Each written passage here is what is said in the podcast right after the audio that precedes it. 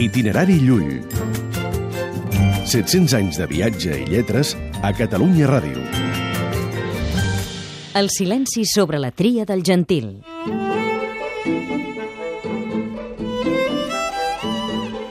Quan els tres savis del llibre del gentil, un jueu, un cristià i un musulmà, li han argumentat les religions respectives, el gentil vol expressar-los quina de les tres considera que és la veritable.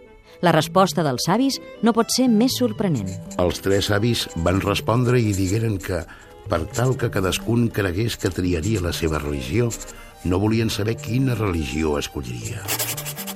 El llibre, una obra escrita al segle XIII, es tanca sense que sapiguem quina és la tria del gentil.